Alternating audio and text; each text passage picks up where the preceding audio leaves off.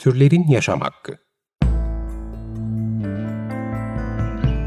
Gezegeni paylaştığımız canlıların özgürce yaşama haklarına dair her şey. Hazırlayan ve sunanlar Işıl Karaelmaz ve Melike Dirikoç.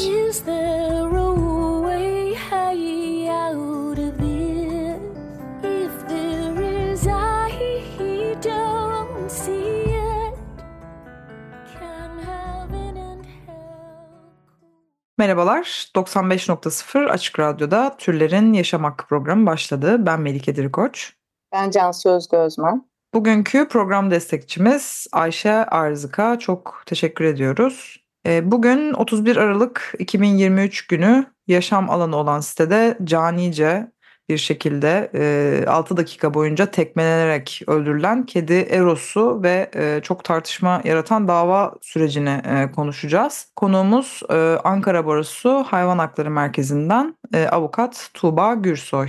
Hoş geldiniz. Hoş bulduk, merhaba. Merhabalar. Valla günlerdir tüm Türkiye aslında bu vahşeti e, konuşuyor ama en önemlisi de cezasızlıkla e, sonuçlanan kararı e, konuşuyor. Failin e, avukatının sahipli kedi değildi, kimse zarar görmedi şeklindeki açıklamaları, sonrasında e, mahkemeye katılanların e, gözlemlerini aktarması ve hani failin eşiyle beraber ceza almazsa bunu kutlayacağını söylemesi e, ve en önemlisi de aslında bir canlının bu şekilde e, işkence görerek öldürülmesi ancak bunun karşılığında sanki hiçbir şey olmamış gibi aslında e, hayata devam edilmesi toplum olarak herhalde herkesi aslında hayvanlara karşı adaletsizliğin e, boyutlarını düşünmeye itti e, diyebiliriz bir anlamda. Bugün e, bir karara karşı çıkıldı. E, Onu e, birazdan konuşacağız ama belki bilmeyenler için ya da genel olarak özetlemek gerekirse e, Eros'un öldürülmesiyle alakalı e, olan dava sürecini, failin ifadesindeki ve avukatının da ifadesindeki detayları, dava sonucunu ve sonra da Küçükçekmece 4. Ağır Ceza Mahkemesi'nin karara itirazı nasıl değerlendirdiğini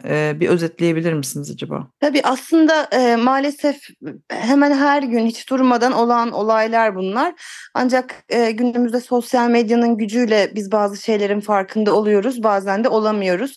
Çok da ağır vakaları, yani ağır diye tabir ettiğim olayın oluş şekli itibariyle tabii ki hayvanın öldürülmesinin bir ağırlık e, ölçütü olarak söylemiyorum. Hepsi bizim için aynı şekilde tezahür ediyor. Fakat sosyal medyanın gücüyle bu kadar insanlar farkına vardı. Olay nasıl oldu? Faiz savunmasında gerçekten çok korkunç, vicdanları yaralayan şeyler söyledi. Aynen şu, şu ifadeleri kullandı mahkemedeki ifadesinde. E, dedi ki benim eşimin çocuğumuz olamayacağına dair haberi bana vermesi üzerine çok sinirlendim, çok üzüldüm. Eşim bu haberi verdikten sonra üzülme ya ikinci kediyi sahipleniriz dedi. Ben iyice üzüldüm. Evimden dışarı çıktım.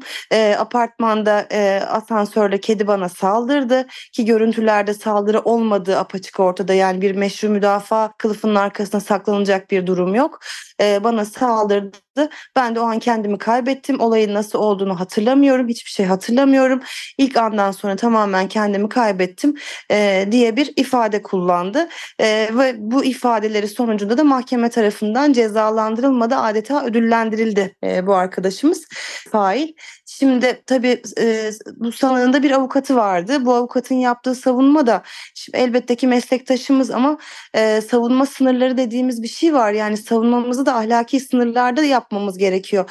Hiç kimsenin zarar görmediğini söylemek mümkün mü? Bakın e, bu kararın verildiği günden beri sosyal medya çalkalanıyor. Bu konu ta- TT olmuş durumda. Gündemin en üst sıralarında, Türkiye gündeminde günlerdir en üst sıradan inmemiş bir şeyden bahsediyoruz.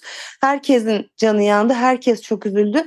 Tabii ki hiç kimse Eros kadar üzülmedi. Eros ömrünün son 6 dakikasını çok büyük bir işkenceyle geçirdi. E, Evet şu an gözümüzün görmediği, kulağımızın duymadığı pek çok hayvan gibi e, işkenceyle son anlarını tamamladı. E, ve bunun neticesinde de aslında be- 7332 sayılı kanunla getirilen e, ceza e, yaptırımında 6 aydan 4 yıla kadar e, bir ev e, hayvanını öldürmekle ilgili bir ceza öngörüyor e, şey yasalar. Ancak burada e, olayın bu denli ağır şekilde işlenmiş olmasına ciddi bir canice eylem e, olmasına rağmen mahkeme alt sınırdan çok az uzaklaşarak önce bir yıl altı ay bir hapis cezası verdi ve mahkemede iyi halli kabul ederek bu faile e, bu iyi hal neticesinde neticesinde de kendi gözlemiyle iyi hal neticesinde de bir yıl üç ay gibi bir hapis cezası verdi. Fakat bizim yasalarımızda infaz düzenlemelerimiz ve seçenek yaptırımlarda iki yıldan aşağı verilen cezalarda hükmün açıklanmasının geri bırakılması dediğimiz bir müessese işletilebiliyor. Bu durumda ne oluyor? 5 yıl boyunca bu karar verildikten sonra 5 yıl boyunca herhangi bir kasıtlı suçtan mahkumiyeti olmazsa tamamen e, şeyden siciline zaten başta da işlememiş olan şey tamamen siliniyor ve aslında ceza verilmedi İbrahim Keloğlan'a bu e, olay sebebiyle ödüllendirildi ve bugün geldiğimiz noktada tamamen sosyal medyanın baskısıyla bu karar kaldırıldı. Ya onun gücünü gösterdik. Ona keza geçen sene İzmir'de Şile isimli köpek kulübesinde yakılarak öldürülmüştü. Orada da ödül niteliğinde bir yıl altı ay bir ceza verildi ve yine geri bırakıldı. E, mahkemeden mahkemeye değişebiliyor. Ancak işkencenin ağırlığı gerçekten çok korkunç. O yüzden en azından 4 yıl yasanın öngördüğü üst sınırdan ceza verilmesini e, bu gibi olaylarda bekliyoruz. Kamuoyu baskısı senin de dediğin gibi sonuç vermiş görünüyor şu an için en azından. Fakat daha önce de böyle infial yaratan e, olaylar olmuştu. Konya gibi mesela fakat hani evet. çok ciddi soru olmamıştı maalesef. Evet. Bir yandan da bireysel davalarda yaratılan infialler ve eylemler sonucunda verilen kararlarda kalıcı bir çözüm teşkil etmiyor. Senin de dediğin gibi bir sürü e, bu olaylar hani kapalı kapılar ardında oluyor, kameralara yansımayan şekillerde oluyor. E, bazıları belki dava konusu bile olmuyor. Şimdi kanunumuz belli ki bu hayvanları korumada be- belirttiğin alt sınırı düşününce e, korumakta yetersiz kalıyor. Ne yapılması hı hı yani hayvanları gerçekten koruması için e, bu alt sınırı en azından cinayet, işkence gibi durumlarda nasıl düzenlenmesi gerekiyor? Ve bir de e, zaten e, düzenlendikten sonra bile e, bizim uygulamada çok sıkıntımız oluyor her zaman. Yani kanunumuzun hı hı. belli maddeleri, hayvanları koruma kanununun belli maddeleri hani idealde olsa bile onları uygulatamıyoruz. Yani hem düzenleme hem uygulamadaki tıkanıkları tıkanıklıkları gidermek açısından e, ne yapabiliriz? Yani ne yapılması gerekiyor? Şimdi mahkemelerde genel bir algı var ya da genel bir isteyiş şekli diyeyim buna. E, bir e, yasa eğer bir alt sınır öngörüyorsa e, alt sınırdan belki biraz uzaklaşarak ceza veriyorlar. Üst sınırdan ceza vermek zaten çok uygulamada olan bir şey değil. O yüzden bu yasal değişiklik yapılmadan evvel 2019 yılında Meclis Araştırma Komisyonu'na katıldığımız süreçlerde alt sınırın iki yıldan başlamasını defaatle söylemiştik. Hatta iki yıl bir ay demiştik ki hükmün açıklanması geri bırakılmasın gerçekten ceza verelim ödül mahiyetinde olmasın demiştik. Nitekim takip ettiğimiz davalardan işte e, köpeğin gözü oyuldu cezasızlık verildi kurşuna dizildi cezasızlık verildi. Daha bugün bir karar gördüm ceza verilmesine yer olmadığına diyor bu kararda. Yani e, burada aslında mahkemelerin elini taşın altına koyması gerekiyor. Bu gibi olaylar evet toplum vicdanında da infial yaratan gerçekten insanları da vicdanen çok yaralayan olaylar. Hani hayvanı zaten sallamıyorsunuz tamam kabul e, kabul etmiş olalım velev ki ama en azından insanların tepki göstereceği şeylerde biraz caydırıcı olalım. Biz bu insanlarla topluluk içinde birlikte yaşıyoruz. Düşünsenize kapı komşunuz İbrahim Keloğlan. Yani kapı komşunuz böyle biriyken ve apartmanın baktığı, sitenin baktığı göz bebeği bir kediyken bunu rahatlıkla yapabiliyor. Ha şunu da sorgulamak lazım. E, bu e, hayvan Eros e, apartmanın baktığı kedi değil köpek olsaydı e, toplumda da bu kadar infial yaratmayacaktı. Bu kadar tepki de görmeyecekti. Belki bu kadar ceza da almayacaktı. Yani maalesef evet insanlar da e, tepkilerinde türcü davranıyorlar. Bunların da sonucu yeterince tepki de veremiyoruz. Ama bu kararın örnek teşkil etmesini çok diliyorum gerçekten. Umarım örnek teşkil eder ve bundan sonra mahkemeler en azından alt sınırdan daha da uzaklaşan ve hapis yatarı olacak cezalara hükmederler. E, tamamen yasal düzenleme ve e, adalet alışkanlığı diyeyim. Yani adaleti e, yani ilk anlamıyla konuşmuyorum burada.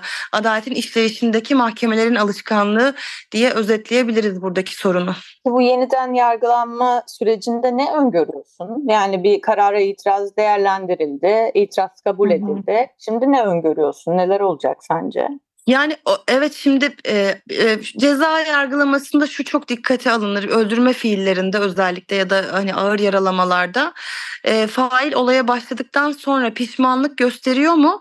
Devam ettiriyor mu? Mesela bir insana zarar veriyorsunuz. Bir işte öldürme kastıyla hareket ediyorsunuz.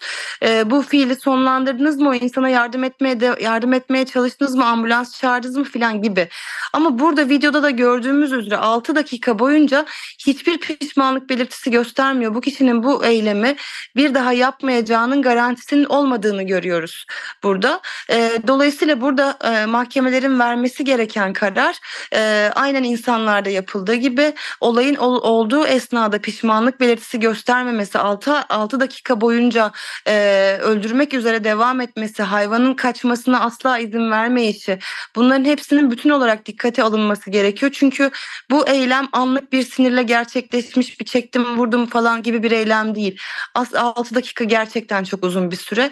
E, bunun dikkate alınması ve üst sınıra en azından yaklaşılan bir karar verilmesi gerektiğini düşünüyorum. E, ama öyle bir karar çıkar mı? Vallahi bilmiyorum açıkçası. Şimdi yeniden yargılama yapılacak ama bu kadar kamuoyu baskısı sebebiyle belki iki yıla çok az geçen bir ceza verilebilir. Ee, ama onun dışında maalesef umudumuz yok yani önceden de gördüğümüz pek çok olay sebebiyle umudumuz yok. Tabii ki bu durumda ne olacak? Ee, üst mahkemeye, bölge adliye mahkemesine istinaf yolu açık bir karar olacak. E bakalım o zaman da istinaf mahkemesi ne karar verecek? Bakın Batı Kent köpeklerinin zehirlendiği o dosya 2019 yılında istinaf mahkemesine gitti. Tam 5 yılını tamamladı dosya ve istinafta inceleme görmedi dosya 5 yıldır. Neyi bekliyoruz 5 yıldır değil mi? Yani adalet bu kadar geciktirilir mi? O dosyada verilen karar çok iyi bir karardı gerçekten.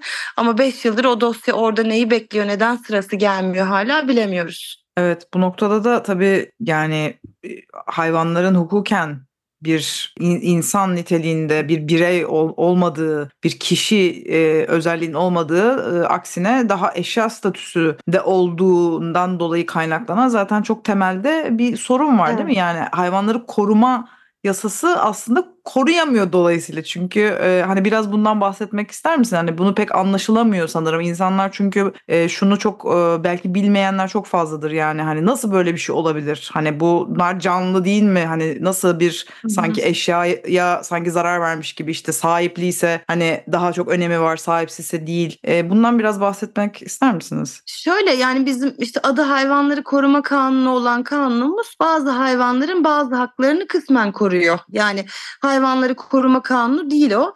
E, kedi ve köpeklerin işte ev hayvanlarının bazı haklarını koruyan bir kanun. E, o yüzden de tabii ki e, hakimlerin elini vicdanına koyup hareket etmesi bizim için çok önemli. Örneğin bir e, işte hiç köpek sevmeyen, mahallesinde köpek istemeyen bir hakime denk geldiğinizde köpek bir e, eyleme maruz kaldığında ona göre kendi duygularıyla hareket ediyor. Duygulardan tamamen bağımsız bir şeydir yargı makamı. E, duygularını işin içine karıştırıyorlar ya da gerçekten daha savcılık aşamasında takipsizlik karar veriyorlar. İşte bu yüzden insanların vicdani kanaatleri, kişilik özellikleri falan devreye girmesin diye zaten yasalar var ve yasalarla bunların güvence altına alınması gerekiyor. Yine örneğin bu kanunda e, kasten öldürme eylemi e, işte işlenmiş. Ancak taksirle de öldürme var trafik kazaları gibi. Taksirle öldürmeye dair bir hüküm yok ama insanlara ilişkin yasalarda taksirle öldürme diye bir şey var. Veyahut da teşebbüs aşaması ile ilgili bir düzenleme yok bu kanunda. Ancak insanlara yönelik eylemlerde teşebbüse dair de hükümler var. Ya çok göstermelik böyle ağzımıza bir parmak bal e, hesabı bir yasa yaptılar o dönem ve artık hayvanlar can statüsü taşıyor falan diye de altın tepsilerle sundular. Öncelikle can statüsü diye bir statü yok. Yani kanunlarda kişi var ve eşyalar var. Yani hayvanlar kişi mi eşya mı bir buna karar verelim. Veyahut da ev hayvanı dediğimiz şey kişi mi eşya mı bir de buna karar verelim. Evet yasalar oldukça yetersiz. Tabii ki yasalara güvenerek hareket etmek zorundayız. E, yasaların yetersizliği ve e, yasa yapıcıların da uzmanların e, dinlemeyişinden bütün bunlar e, ortaya çıkıyor. E, maalesef soruşturmalarda etkin yürütülmüyor. Kamera kayıtları kayboluyor. Yani Eros'un durumunda pekala da kameralar bozuk olabilirdi ve bu kişi cezasız kalabilirdi. Ya da site yönetimiyle arası iyi olabilirdi. O kamera kayıtları silinebilirdi. Bunlar da sürekli yaşadığımız şeyler. Eros'un dosyasında yine Şükret yapabileceğimiz şeyler var. Yani deliller toplanabildi en azından. E, o yüzden bir tık daha e, soruşturmanın etkinliği anlamında en azından düzgün yürüdü diyebiliriz. O da yine gönüllülerin sayesinde tabii ki. Olaydan beri de birçok derneğin de içinde bulunduğu işte Yaşam için Yasa inisiyatifi Hı hı. ve bağımsız başka oluşumlarda sürekli eylemlerini sürdürüyorlar. Özellikle Cumhurbaşkanı'nın Aralık'taki son açıklamasından sonra artan bir sürü usulsüz toplama, kitlesel ölümler var. Eros gibi birçok hayvan her gün her an öldürülüyor olabilir. Yani çünkü ortadan yok olan bir sürü hayvan var. Nerede oldukları belli olmayan. Peki hayvan hakları savunucuları olarak ya da en azından hayvanların da yaşam hakkı olduğuna inanan insanlar olarak e, ne gibi yöntemlere başvurmamız gerekiyor? Bunları engellemek için şu noktada ne yapmamız gerekiyor? Yaşam için yasanın bu eylemler silsilesi gerçekten çok iyi oldu. Sosyal medya örgütlenmesi çok iyi oldu. Sesimizi her yerde her zaman e, duyurmamız gerekiyor. Biz kurumsal görüşmeler yapıyoruz. İşte örneğin Cumhurbaşkanı'nın açıklamalarından sonra gittik işte ilgilileri kimler, veteriner işleri müdürleri, işte sağlık daire başkanları, vali yardımcıları onların kapılarını çalıyoruz. Hayvanların derdini anlatmaya çalışıyoruz ve şunu fark ediyoruz. Hayvanları sevmeyen, düşman olan insanlar gerçekten cimer başvurularını bilgisayarı, sosyal medyayı o kadar etkili kullanıyorlar ki hiçbir kapıyı çalmaktan da geri durmuyorlar. Ee, bizlerin de bunu yapması gerekiyor. Şimdi bizi e, ih- ihlallerle ilgili arayan gönüllüler oluyor. Ya bir cimer başvurusu yapın, bir valiliğinize gidin dilekçe verin falan diyoruz. Bu resmi başvurularda bence e, hayvan koruma gönüllüleri birazcık e, eksik kalıyor. Şimdi cimer başvurusu gerçekten çok kıymetli bir şey. Cumhurbaşkanlığının e, bilgi sistemine tamamen giren bir şey. O yüzden hiç durmadan bizim oralardan başvuru yapmamız gerekiyor. Bizim bu yaptığımız kurumsal görüşmelerde tespit ettiğimiz bir şey. Çünkü diyorlar ki yani bakın bize günde 20 tane 30 tane işte sokaktaki köpekleri toplayın falan diye cimer başvurusu geliyor diyorlar. Bu insanlar sayılara bakıyor. O zaman ne yapacağız? Biz de resmi başvurularımızı çoğaltacağız. Çünkü e, evet sokaklarda sesimizi çıkartıyoruz. E, özgür basın yanımızda duruyor. İşte sizler gibi değerli programlarda sesimizi duyuruyoruz ama hayvanların sesini daha doğrusu. Ama e, esas yapmamız gereken kurumsal yerlerde, bürokratik çevrelerde sesimizi duyurmak. Oralardaki örgütlenmemizin açıkçası eksik olduğunu düşünüyorum. E, hiç durmadan her gün biz de 20-30 tane cimer başvurusu yapalım. Benim mahallemdeki köpek nerede diyelim, kedi nerede sen buna ne yaptın, kayıt altına aldın mı? Veya işte toplama yakalama usullerine uygun davrandın mı? Bu hayvan küpeliydi neden aldın diye e, bunlarla ilgili telefonlarımızın susmaması, aramalar yapmamız ve sürekli de yasal müracaatlar yapmamız gerektiğini düşünüyorum. Evet çok değerli bir öneri oldu bu. Çünkü bu süreçte de aslında bu insanlar bir şekilde cimer başvurusu yapmaya başladılar. Hatta işte dilekçeler paylaşıldı, örnek dilekçeler vesaire falan. Yani dediğiniz gibi aslında karşı taraf bunu çok iyi kullanırken e, bizler böyle daha kendi içimizde hani den çıkmamız lazım yani bu çok e, çünkü dediğiniz gibi yani aslında her şey hani biz belki sesimizi duyurduğumuzu sanıyoruz ama onların e, tarafında e, bu tamamen bürokratik e, belgelere bakılıyor, şikayetlere bakılıyor, adedine bakılıyor. Evet. Bunlar döküm alınıyor muhtemelen. Çok çok değerli e, ve aslında kolay da bir yöntem yani hani evinizde Çok, çok kolay. yapabileceğiniz herkesin ve bir vatandaş olarak aslında hakkı olan bir şey ve e, tekrar hatırlatalım e, yaşam için e, yasa inisiyatifini de e, sosyal medyadan e, takip edebilirsiniz. E, Hı hı. eylemlere çağrılar oluyor, e, duyurular oluyor, son gelişmeleri oradan e, takip edebilirsiniz. Süremizin e, yavaş yavaş sonuna geldik. Bugün 31 Aralık'ta e, 2023'ün son günü maalesef e, işkence edilerek öldürülen Eros'u ve e, tartışmalı dava sürecini konuştuk. Konuğumuz Ankara Barosu Hayvan Hakları Merkezi'nden avukat Tu- Tuğba Gürsoy'du. E, Tuğba çok teşekkürler katıldığınız ve Ben teşekkür ederim. Ee, Son bir ekleme yapmak tabii, istiyorum. Bir cümle. tabii ki. Ee, şimdi e, yine yasada şöyle bir ya- yasaya göre şöyle bir karar da alınabiliyor. Ee, İbrahim Keloğlan ifadesinde evinde bir tane daha kedisi olduğunu beyan etti. Hı. Ama o kediye el konmadı. Yani bir katilin evinde şu an kedi var. O kediye el konma kararı verilebilirdi, verilmedi. Yine İl Tarım Müdürlüklerinin şikayet hakkı var. Ancak İl Tarım Müdürlüklerine gittiğimizde Ankara'daki, ben Ankara'yı daha çok biliyorum, ihlallerle ilgili hiç ellerinde yapılmış bir şikayet olmadığını görüyoruz. Ee, o yüzden evet yani bu, bu kısmı da kararın çok eksik kaldı. Umuyorum ki e, yapılacak olan yeni yargılama sırasında hakim buna da değinir, bu konuyu da karara bağlar. Evet bu da çok önemli bir detay gerçekten. Yani böyle bir kişinin bence yakınından dahi geçmemesi gerekiyor Evet. hayvanların. Evet tekrar çok teşekkür ederiz ve bugünkü programın sonuna geldik. İki hafta sonra yine çarşamba günü saat 2'de görüşmek üzere. Görüşmek üzere. Hoşçakalın.